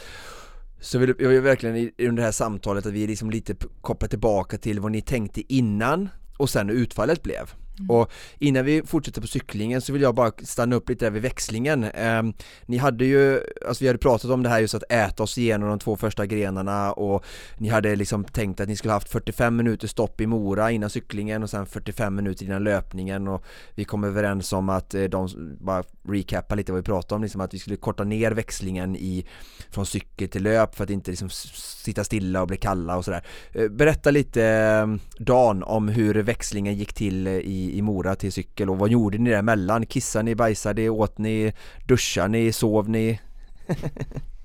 ja, vi började väl med att fundera över, har vi verkligen gjort hela sträckan? För att klockorna visade 88,45 eller något sånt där. Så att, så vi funderade på om vi hade liksom åkt lite för kort på den här sträckan mot Malung. Men vi, men vi enades om att nej, nu har vi gjort det här, så nu sticker vi till hotellet. Det hade vi gjort upp innan, att vi sticker till hotellet och käkar. Mm.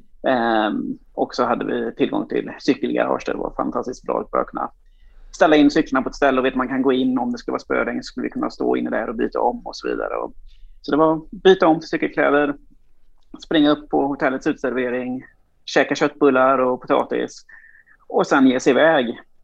Sen hade vi snackat om det här att det skulle vara 45 minuter paus emellan men eh, saker och ting tar tid och man är, man är trött efter nio mil rullskidor också. Och eh, det är lätt att det går några extra minuter, så jag tror att vi hamnar nog nästan upp mot en timme innan vi var på rull mm.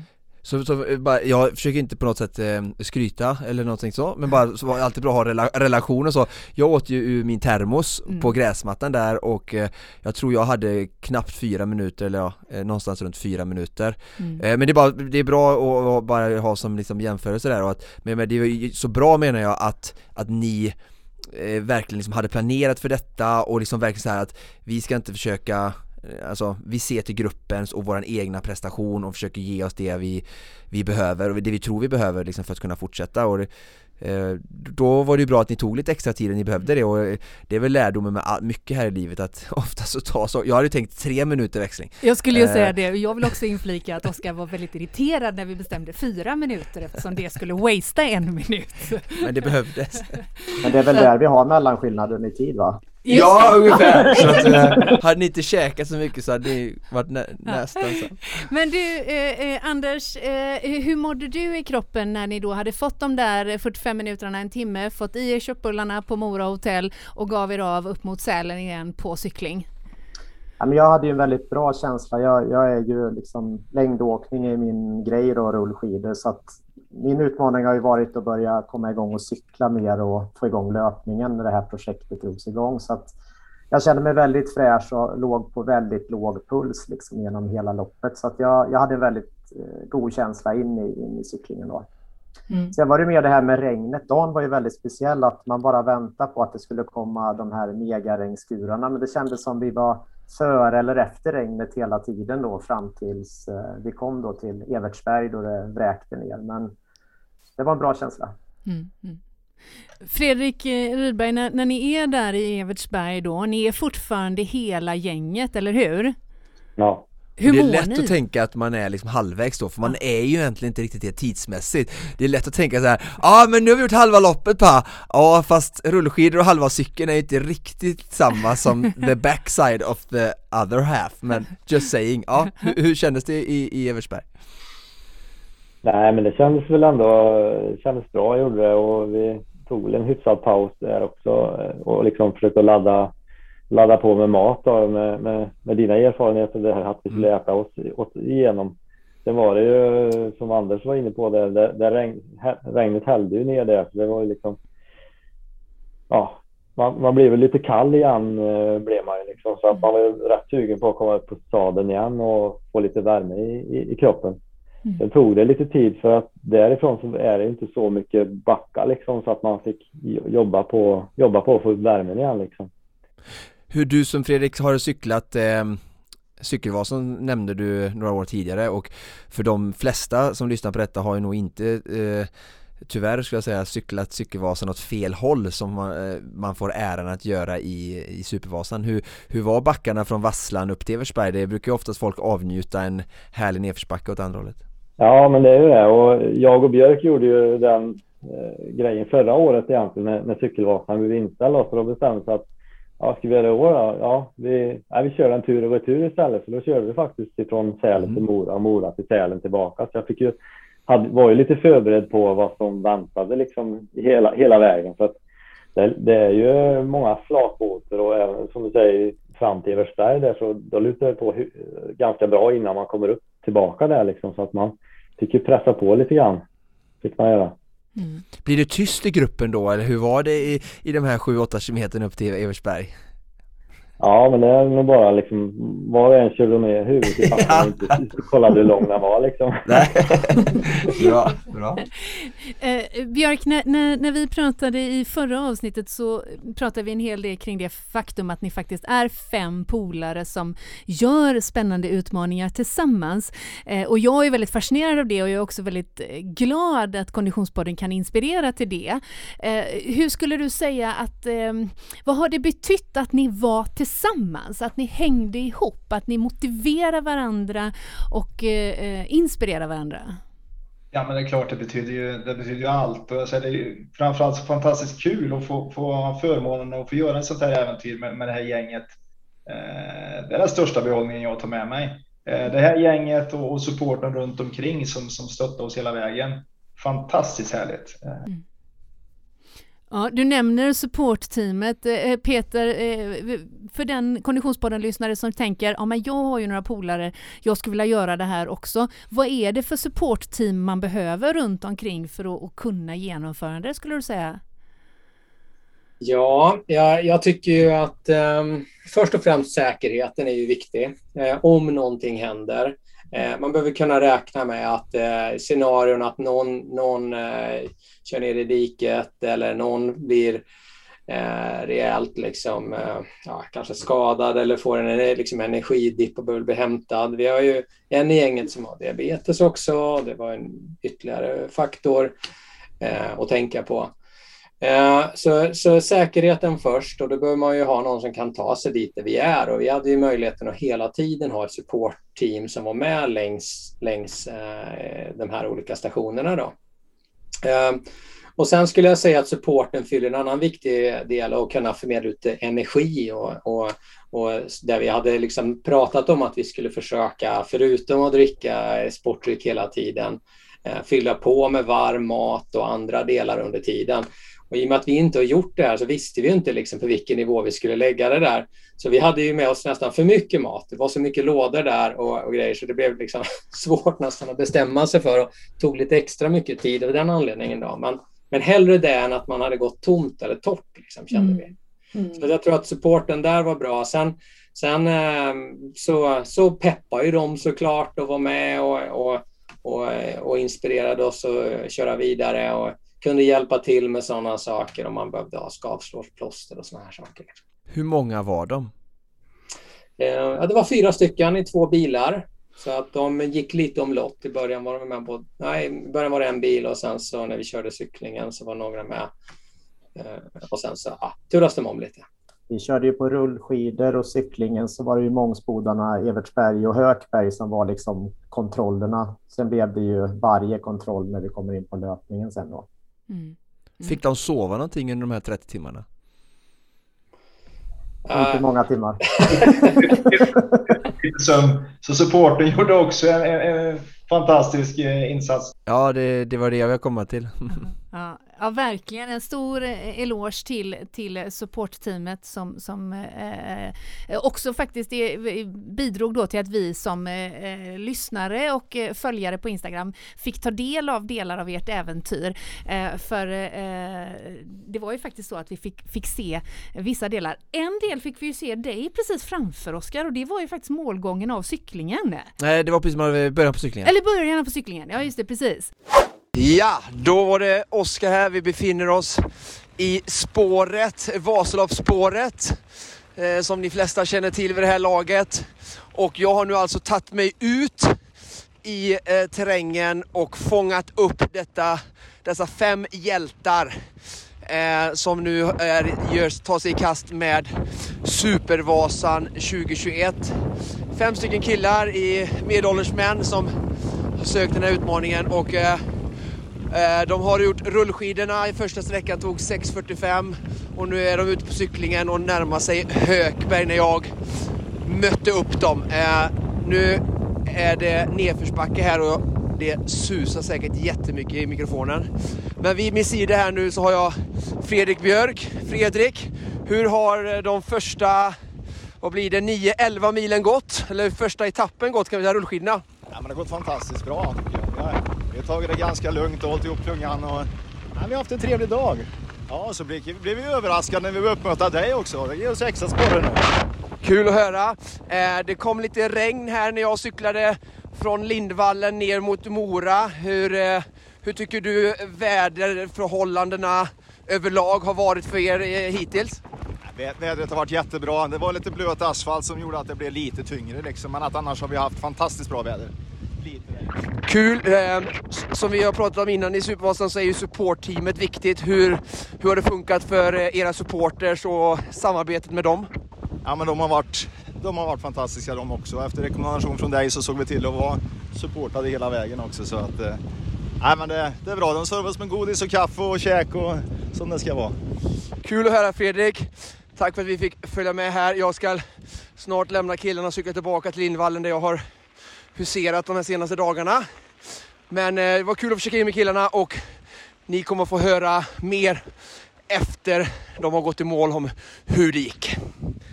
Vad var din analys där och då? På, eh, skulle samtliga fem ta sig i mål hela vägen, tänkte du när du såg dem? Ja, alltså det, det jag tänkte faktiskt inte så, eh, för jag visste ju att det har ju bara börjat, äventyret. Eh, de hade cyklat typ en mil. Eh, så jag, jag, jag, tänkte inte så mycket på det utan jag fokuserade mer på att se hur de såg ut och pigga och glada, humöret och sådär. Så att eh, det var vi väldigt eh, glada i gasen tycker jag överlag. Så att eh, det såg ut i alla fall som att de hade gett sig själva precis de förutsättningarna de behövde vid den punkten mm. efter 10 mil ungefär eh, genomförda för att kunna liksom göra det bra liksom och alltså att de var i kontroll eh, ibland så kan det bli så att folk går in i det här du vet zoom eller liksom zombiebubblan för tidigt där man bara kör på när du går in i den bubblan så kan det vara svårt att tänka rationellt och liksom ta hand om dig själv och hålla ett högt stridsvärde som vi säger i Försvarsmakten ehm, så att med det tyckte jag alla såg liksom alerta ut liksom vad, vad, fråga till eh, er ehm, vad ska vi säga, Dan, visste ni om att jag skulle komma där eller var det en chock när jag kom? Jag, ni såg lite halvförvånade ut men jag mötte ju er där liksom i spåret där liksom. Ja, vi hade ju ehm, dels hade du ju förvarnat lite grann där i första avsnittet med podden när vi medverkade med Fredrik är med där att du ska försöka möta ja. upp oss. Och sen hade vi lite koll på den här Messenger-gruppen som vi använde för att eh, ja, förmedla lite information till anhöriga och så vidare. Och där hade du lagt upp att du var på väg. Ja. Så vi, vi var väl inte helt förvånade när du dök upp i skogen. Men det, var, det, var, det var ett kul möte. Ja. Eh, Fredrik Rydberg, eh, eh, att hålla ett högt stridsvärde innan man går in i zombiebubblan pratar Oskar om. Hur länge kände du att du klarade att hålla stridsvärdet högt och innan zombiebubblan inföll sig? Nej, men jag tycker väl alla hade liksom ett högt stridsvärde. Det var liksom ingen som kom in i en riktig zombiebubbla på det viset. Det var liksom positivt hela tiden och peppa varandra liksom. Det var ingen som gick in i sig själv riktigt liksom någon gång kände jag som jag kunde se i alla fall. Liksom. Jag kan säga att jag var där i Hökberg i oktober när Frida intervjuade mig. Oh, ja. Då var jag i en sån zombiesbubbla med stort Z. Det var inte mycket combat där. Peter då, eh, det var på, på bland de sista stationerna där som han, man gav sin fru order liksom där. Jag ska ha det, jag ska ha det, jag ska ha det. Förstår du inte liksom? Nej men det var, det var härlig stämning hela tiden. Mm. Okej, och sen har vi då en andra målgång, en andra växling. Eh, vi är eh, tillbaka uppe i Sälen igen, eh, ska lämna cyklarna och ge oss på löpningen.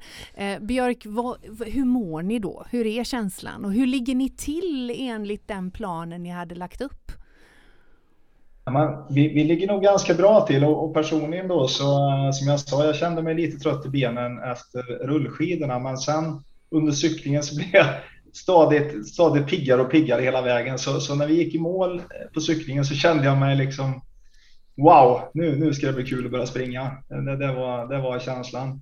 Eh, och jag, jag, tycker vi hade en sån känsla i hela gruppen då. Vi var, ja, vi var, vi var taggade, vi peppade varann och, och in käka, nu kör vi. Nu jäklar, nu ska vi på den sista sträckan och bara knyta ihop säcken. Berätta lite Anders hur, hur växlingen gick till. Hur mycket tid la ni? Vad gjorde ni för byten och vad åt ni och vad fyllde ni på med?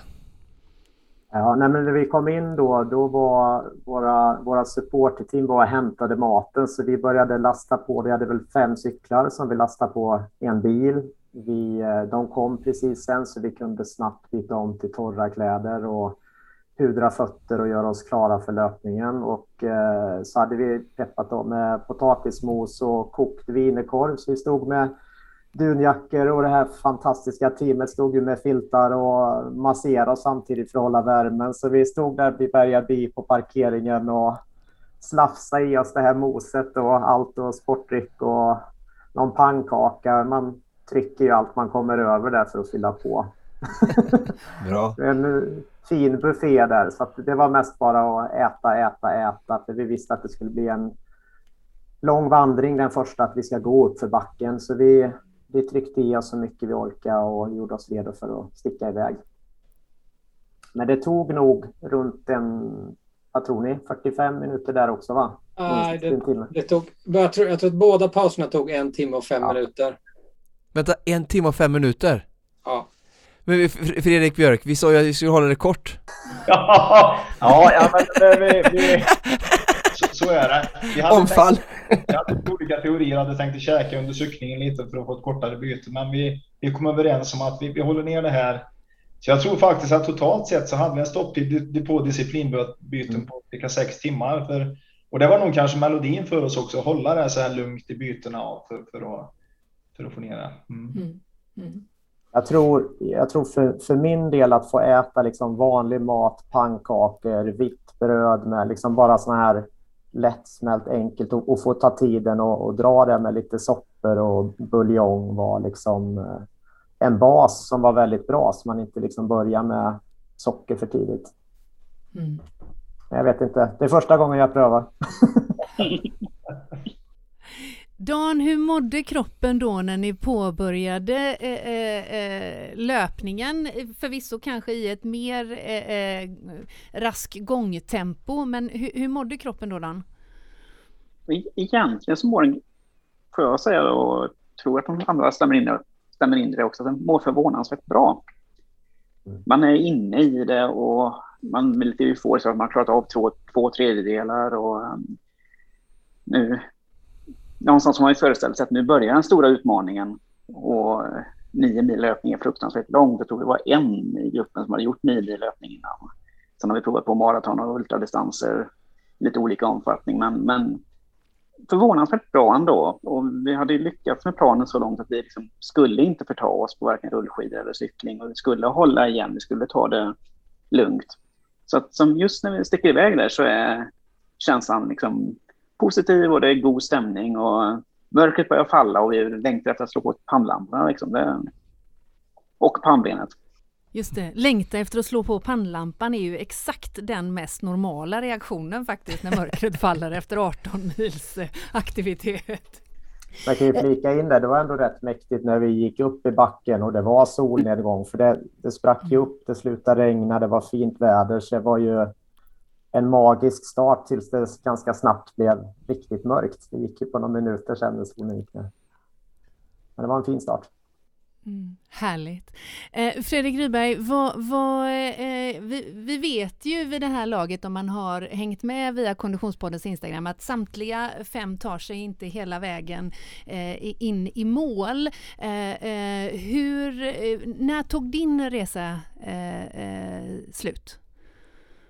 Eh, den tog slut i Mångsboda, när jag gjorde den då.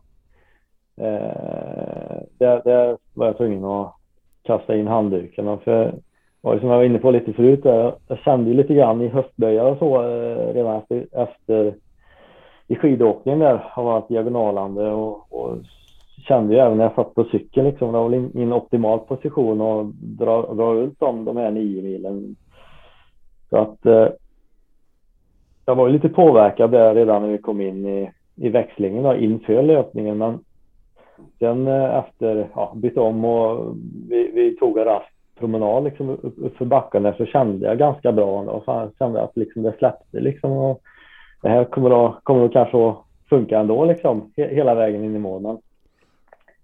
Sen eh, det var det ganska tuff, mycket tuffare eh, löpning måste jag säga. Mycket sträckning med mycket trailstig och sten och rötter och, och spångar. Så man fick springa och lyfta, lyfta benen väldigt mycket om man säger så och parera hela tiden. Så, som gjorde att eh, jag fick väldigt ont i höftböjaren igen där så jag kände att jag, jag var tvungen att lämna in det i Mångsbodan för att eh, jag kände att eh, fortsätt, jag kan, ork, orkmässigt och så, så kände jag att liksom det var kunde ha fortsatt liksom men jag vill inte riskera liksom att inte kunna röra mig på hela hösten här nu och istället så då valde jag att hoppa av istället.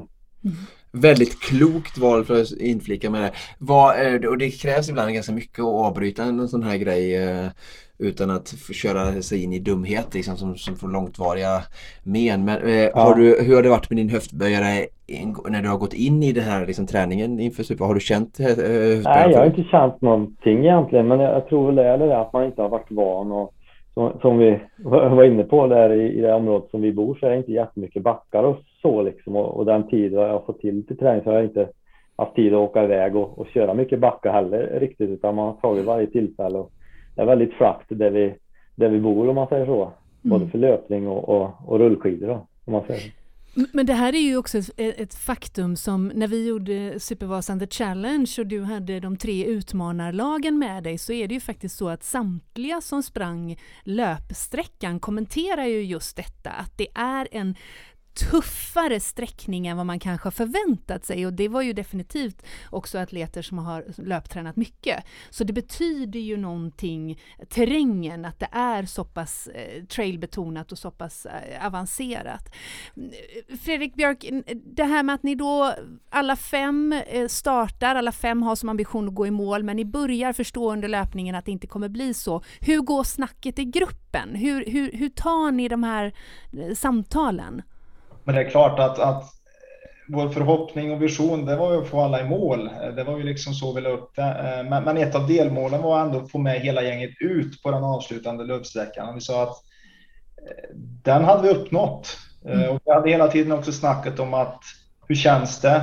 Eh, vi pratade om hur mår du? Ska du fortsätta? Är det värt att ta riskerna? Så att jag tyckte vi hade ett bra snack. Sen är det alltid jättetråkigt när, när, när någon får lämna av. Det är lite tomhet. Man är en bubbla man är ett gäng, man är väldigt tajta så att eh, man saknar någon på vägen när, när, när man tappar av dem och tycker det är synd. Men, men mm, så är det.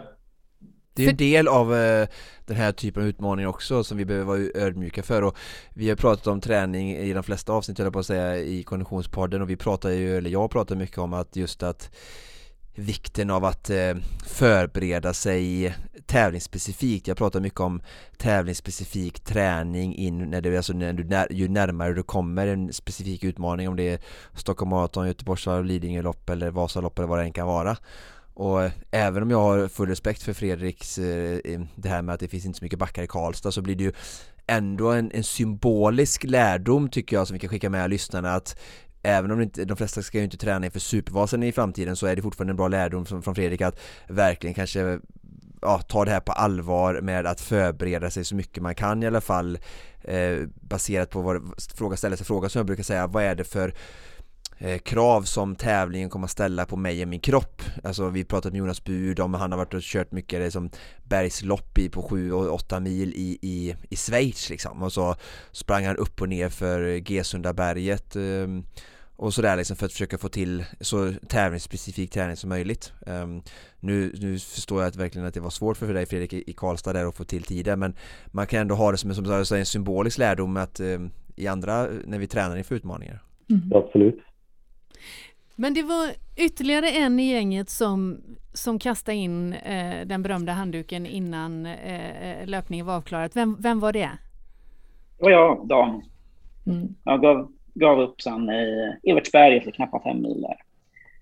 Eh, och eh, jag kände mig ganska pigg fram till Mångsbodarna där och ehm, jobbade väl på. Men sen så tror jag att jag, jag gick definitivt in i den här zombiebubblan där och eh, gör ganska många små felaktiga beslut runt kläder och att eh, jag, också, jag är också den som har diabetes så jag börjar slarva lite grann med vätska och, och nutrition och sånt där. Och, och ja, börjar få massa tankar. Nej, men det här, nej, det här, det här funkar inte. Jag kommer inte, jag kommer inte ta mig hela vägen.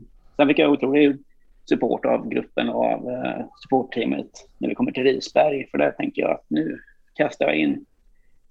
Men jag blir motiverad som att ta en station till och det, det lyckas jag med. Så jag kom ju halvvägs där då. Men eh, i Risberg känner jag att även om jag skulle, lite grann som Fredrik känner att även om jag skulle kunna nog försöka fortsätta så jag har också få ont i en gammal skada i en fot. Så nej, men nu, nu är det nog, nu kliver jag av. Och eh, eh, känner också liksom att det är nästan bättre förutsättningar för de tre som är kvar. För jag börjar hamna efter i uppförsbackar framför allt och det blir som att man får vänta in mig och så vidare. Att som, det, är, det är ingen positiv känsla för den som börjar halka efter att, ha, att veta med sig att nu är, det, nu är jag den svaga länken här. Mm. Och, och, um, så att det kändes som att i Evertsberg där så, nej, men nu, nu har jag gjort min supervasa och eh, det är dags att kliva av.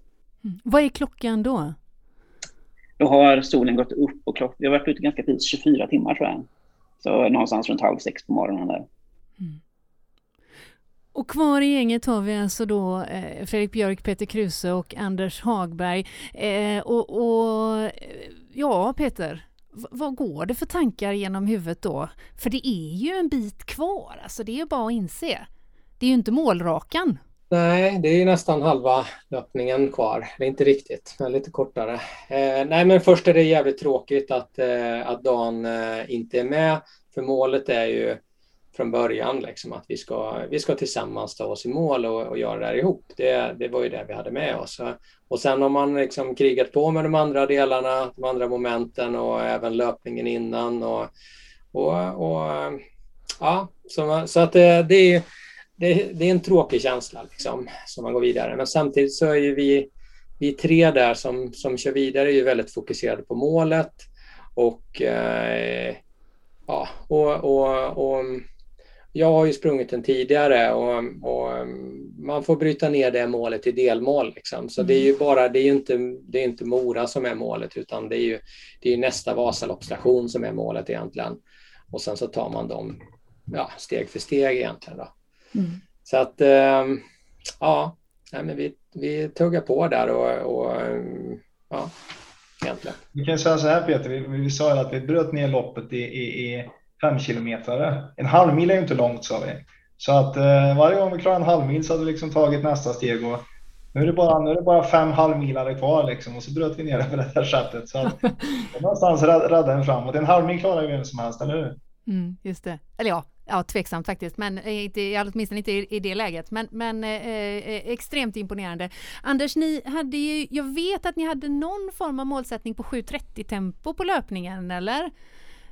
Vad, landa, vad landar vi kring?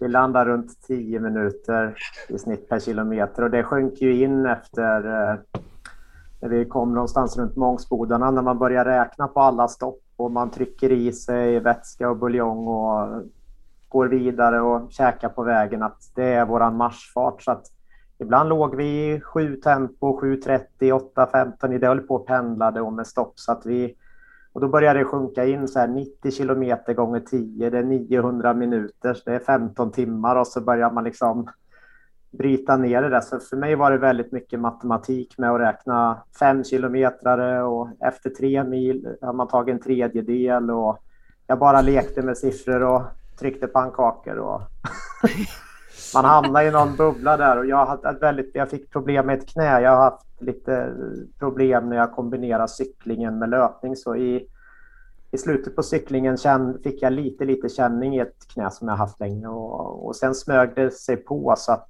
runt Evertsberg så började den där smärtan bli skapligt hög, men jag kunde ju förflytta mig. Så att det blev ju också en sån här, min bubbla blev ju väldigt mycket en, inte en rädsla, men man kände att man hade liksom viljan att ta sig framåt, men att knät skulle bli så paj så jag skulle behöva kliva av när vi började närma oss målet. Så att det blev det blev liksom en... Eh, jag hittade ett sätt till slut där jag kunde i alla uppförsbackar gå åtta steg och sen var jag tvungen att springa så jag aldrig stannade. Så att jag, jag trippade framför Fredrik och Peter för jag kunde ju liksom inte stå stilla sen någonstans utan fick bara vara i rörelse för det blev som smärta när jag växlade. Liksom. Om jag gick för länge så fick jag inte igång det där knät. Så att det blev en eh, speciell resa in från Oxberg och mot målet.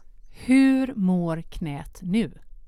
Ja, men knät mår faktiskt eh, okej. Okay, så att, eh, och jag kände att smärtan har legat på samma nivå och jag, jag har haft den tidigare. Så att jag var mer rädd att det skulle gå ett steg längre nu då när det är sådana tider och mängder för, mot vad jag är van vid. Men eh, det höll. Och mm. Fredrik te tejpa knät. När vi var i Hökberg va, så la han en grym tejpning och lite smärtstillande och så var det bara att, att, fortsätta. Och så började de ju lura mig med tider efter min klocka la av, för vi hade haft sån här tracking på för följeslagare. Så jag, jag hade ju ingen koll där ett tag på hur långt det var kvar. Så att, eh, du som alltså har lekt med siffror hela ja, racet? Ja, precis. Oj då.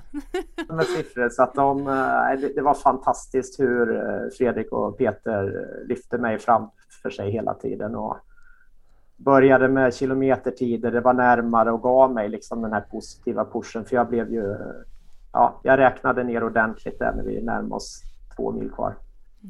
Eh, jag måste flika in eller ställa fråga till Fredrik för jag har gjort samma sak nämligen eh, Björk där med jag hade ju som ganska liksom, tanke första gången jag supervasen att men, det här är rimligt, jag ska springa på åtta timmar liksom, det, det det går inte att springa långsammare än så liksom, det är helt omöjligt och jag kände samma sak när du sa såhär, men vi 7.30 per kilometer liksom inklusive de stopperna liksom, det, det är bra tilltaget liksom, det, det kommer gå liksom, det är 11 timmar, det, det är liksom inga problem. Alltså, sen när du möttes av verkligheten liksom, hur var det så här Ah, jag var lite optimist där, två och en halv minut per kilometer. Liksom, hur gick tankarna och hur, var, hur är liksom uppfattningen nu så här efterhand? Men jag, jag, jag tror inte att i och med att inte vi hade haft någon tidsambition egentligen mer, mer än att, att, att, ta oss runt så, så fick vi anpassa oss till läget. Mm. Eh, titta, ja, men nu är det de här tiderna som gäller, eh, alla ska med. Eh, och så köpte vi det. Alltså man får göra det när man är där ute, för börjar du med negativa tankar då, då har du någonstans förlorat. Så att mm. jag, är, jag, jag är en born optimist, så jag, jag, jag, tar alltid liksom handen jag får och så eh, försöker jag liksom se det positiva i det. Så att, jag tror jag håller modet uppe ganska bra hela vägen faktiskt. Ja, Ganska bra. alltså, fantastiskt bra. Ja, så, så mycket som det nickas på de här fem länkarna har det inte nickats en enda gång. Så Fredrik eh, eh, Björk, det kan vi nog enas om att eh, du har ditt gäng med dig. Men när Fredrik fick du liksom känslan det här kommer gå vägen? Peter, Anders och jag kommer att springa in i målportalen och har gjort det. Vi, vi, jag och Peter framförallt sprang och resonerade lite där och sa att ja, men tar vi oss nu till Oxberg, tar vi oss till det tre mil kvar, mm. eh, då kommer vi fixa det. Tre mil, eh, det tar vi oss om vi så ska krypa i sista vägen.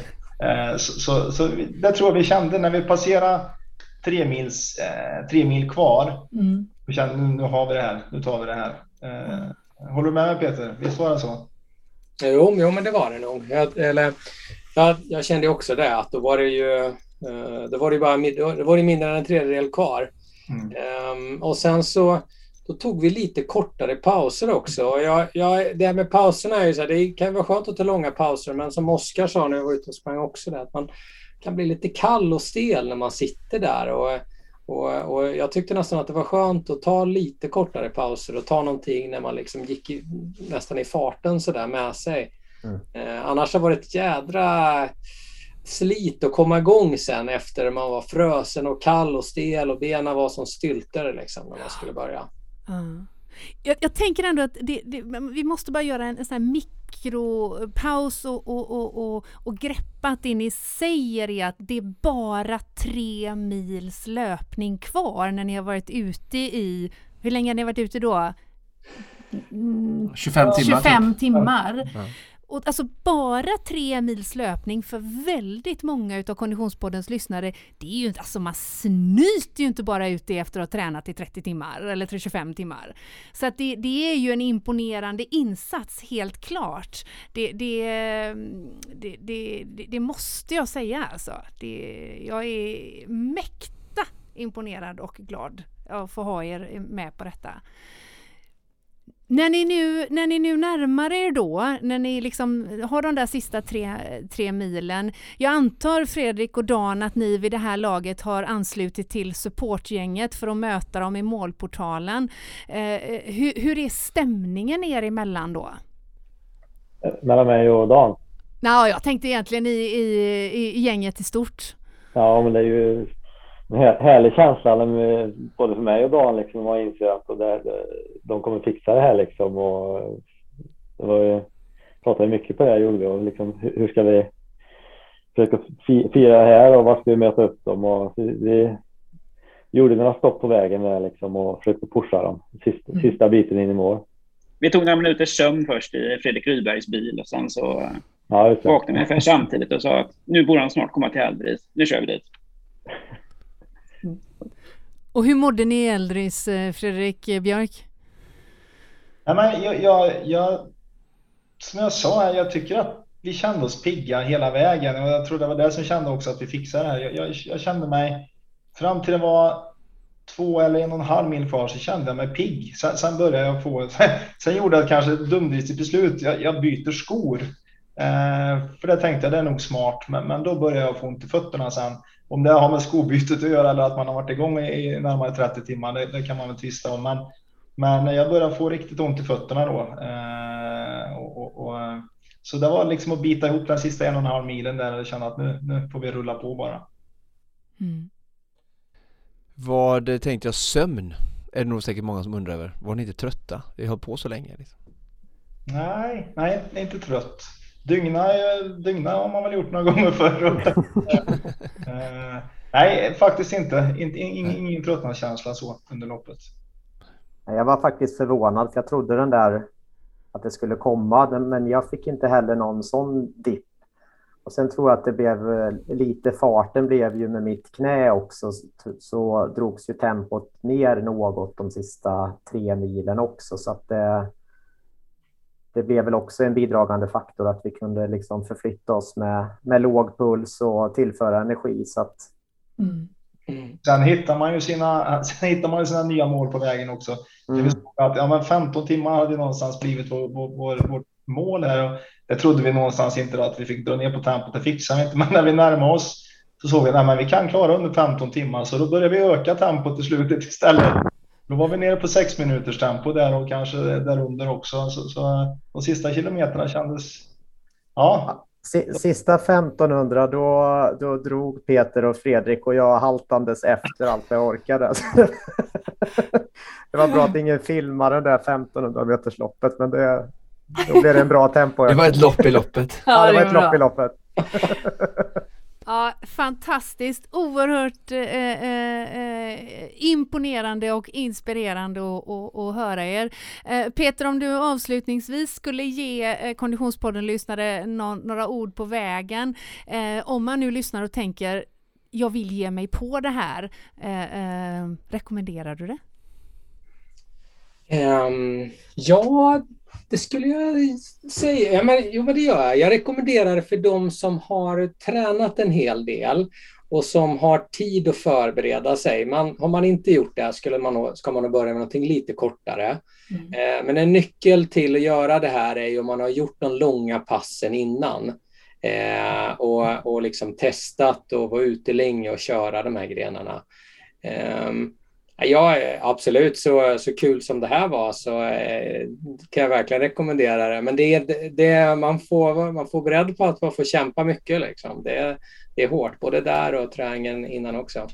Bara i kort där, det är också nog eh, avslutningsvis här, eh, vi rundar ihop detta så tror jag det är någonting eh, som du är inne på det som många undrat över var ungefär bara i korta drag eh, hur hur har ni förberett er och har ni tränat ungefär likadant och när, ska man säga, när började ni träna strukturerat? Var det första mars eller första april?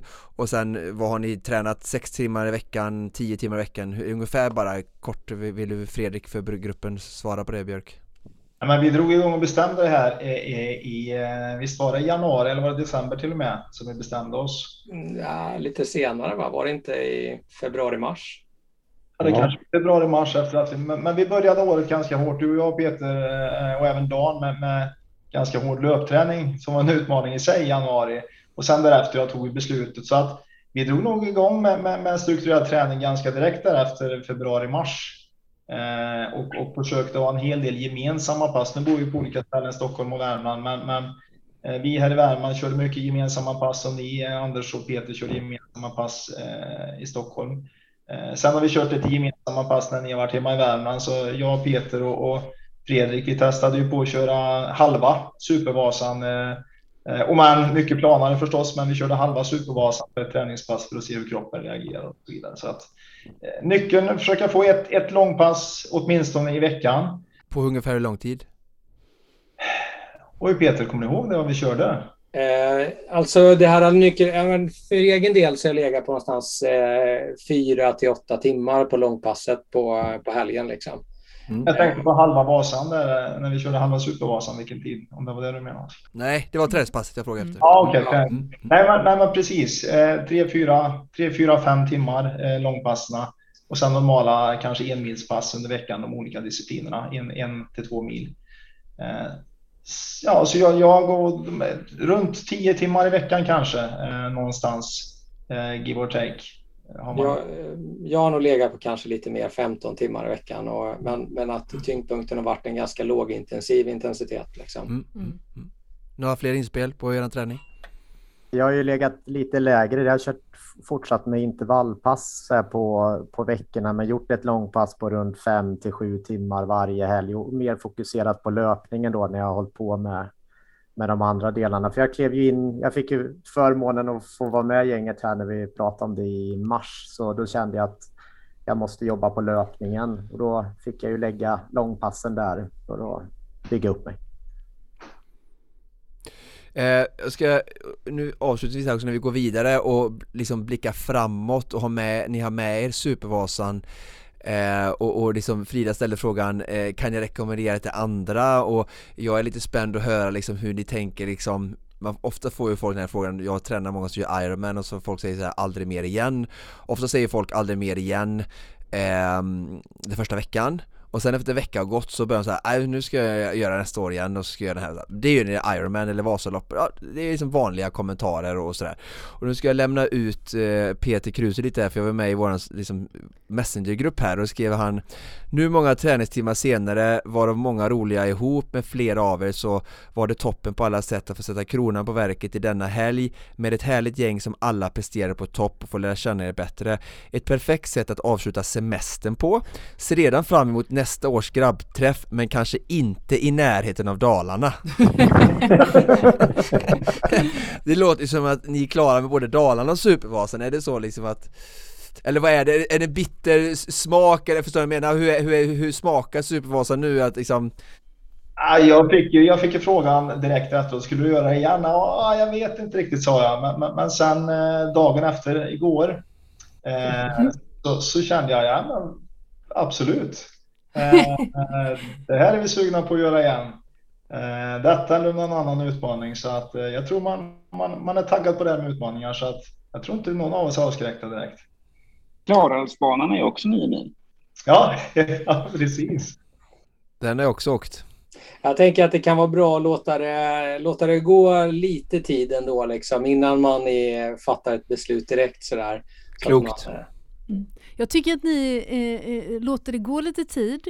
Jag tycker att ni överväger att komma tillbaka. Jag vet en podd som brukar arrangera Supervasa ungefär en gång om året med eventuella utmanare. Finns nog kanske någon invite där och, och, och, och döljer sig i bakgrunden. Då finns det dock ett krav. Jag vill gärna att ni skaffar er ett lagnamn. Ja, det får vi jobba på då. Eller hur? Alla kan inte heta Team Oscars. Nej, just det. Vi behöver, vi behöver ett lagnamn och ni, ni, alltså det finns ju, det är ju öppet race här alltså för så vitt vi vet så är ni ju de första eh, som ger er på detta eh, eh efter Oskar Olsson och eh, The Challenge. Så ni har näst bästa tid kan man säga? Exakt! Bara en sån sak. Tvåa i top, all top high-listan liksom. Ja, underbart. Tack snälla hela gänget för att vi eh, fick eh, följa er på ert eh, fantastiska och inspirerande äventyr och eh, ja, eh, lycka till med träningen då. Tack så mycket. Tack. Hej då! Tack själva. Tack.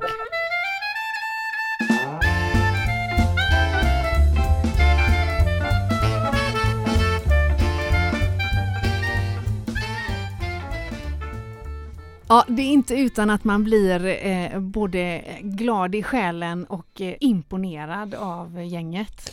Nej, verkligen inte och eh, det som jag mest vill skicka med både gänget som var med här nu och lyssnarna det är ju det här att sån stor eloge till dem för att they take action, alltså att de mm. gör någonting. De går, många människor går runt och drömmer i livet och det är inte bara träning, det är det mesta och jag säger inte att de är de enda men all cred till alla människor som verkligen vågar kasta sig ut lite, släppa sargen och, och bara våga satsa och nu såg vi det, de som fick bryta, mm. gör ingenting, de, alltså jag tror inte de ångrar sig en sekund för att de vågade kasta sig ut och ge sig an en utmaning och testar vi inte och provar så kommer vi aldrig få reda på så att ta med i detta avsnitt som att våga prova någonting nytt även om det bara är att byta fil, filsmak hemma eller gardiner så whatever eller ett nytt träningspass mm. bara ta med det som en, så att det vill jag verkligen skicka med att jag är så glad och impad och tacksam för att de verkligen vågade. Mm. Och, och, och otroligt eh, generöst att dela med sig av... Eh, Väldigt naket och ärligt. Ja men verkligen och, och, att våga möta de begränsningar som, som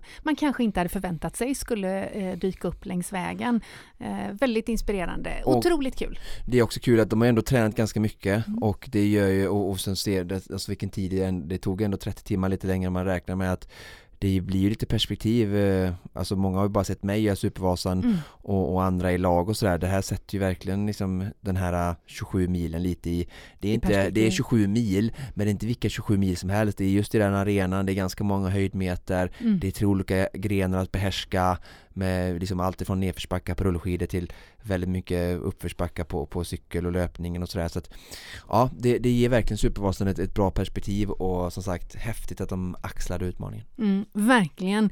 Eh, stort tack för att ni lät oss i Konditionspodden följa eran resa. Och om du som lyssnar vill ta mer del av hur det gick för de här killarna så finns det ett inlägg på Instagram eh, där du gärna får gå in och, och, och kolla och, och skicka eh, lovord och kärlek till dem. Och är det så att du som lyssnar känner det här avsnittet, det vill jag att mina polare också ska höra. Då blir vi ju såklart väldigt glada om du sprider våran podd.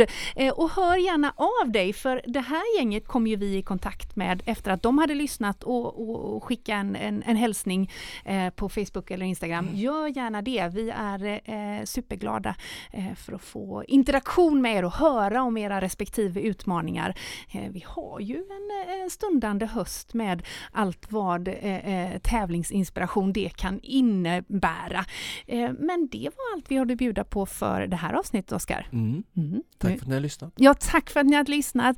Häng med oss eh, framöver också. Och precis som vanligt så produceras Konditionspodden av Fredag. Connect Brands with People.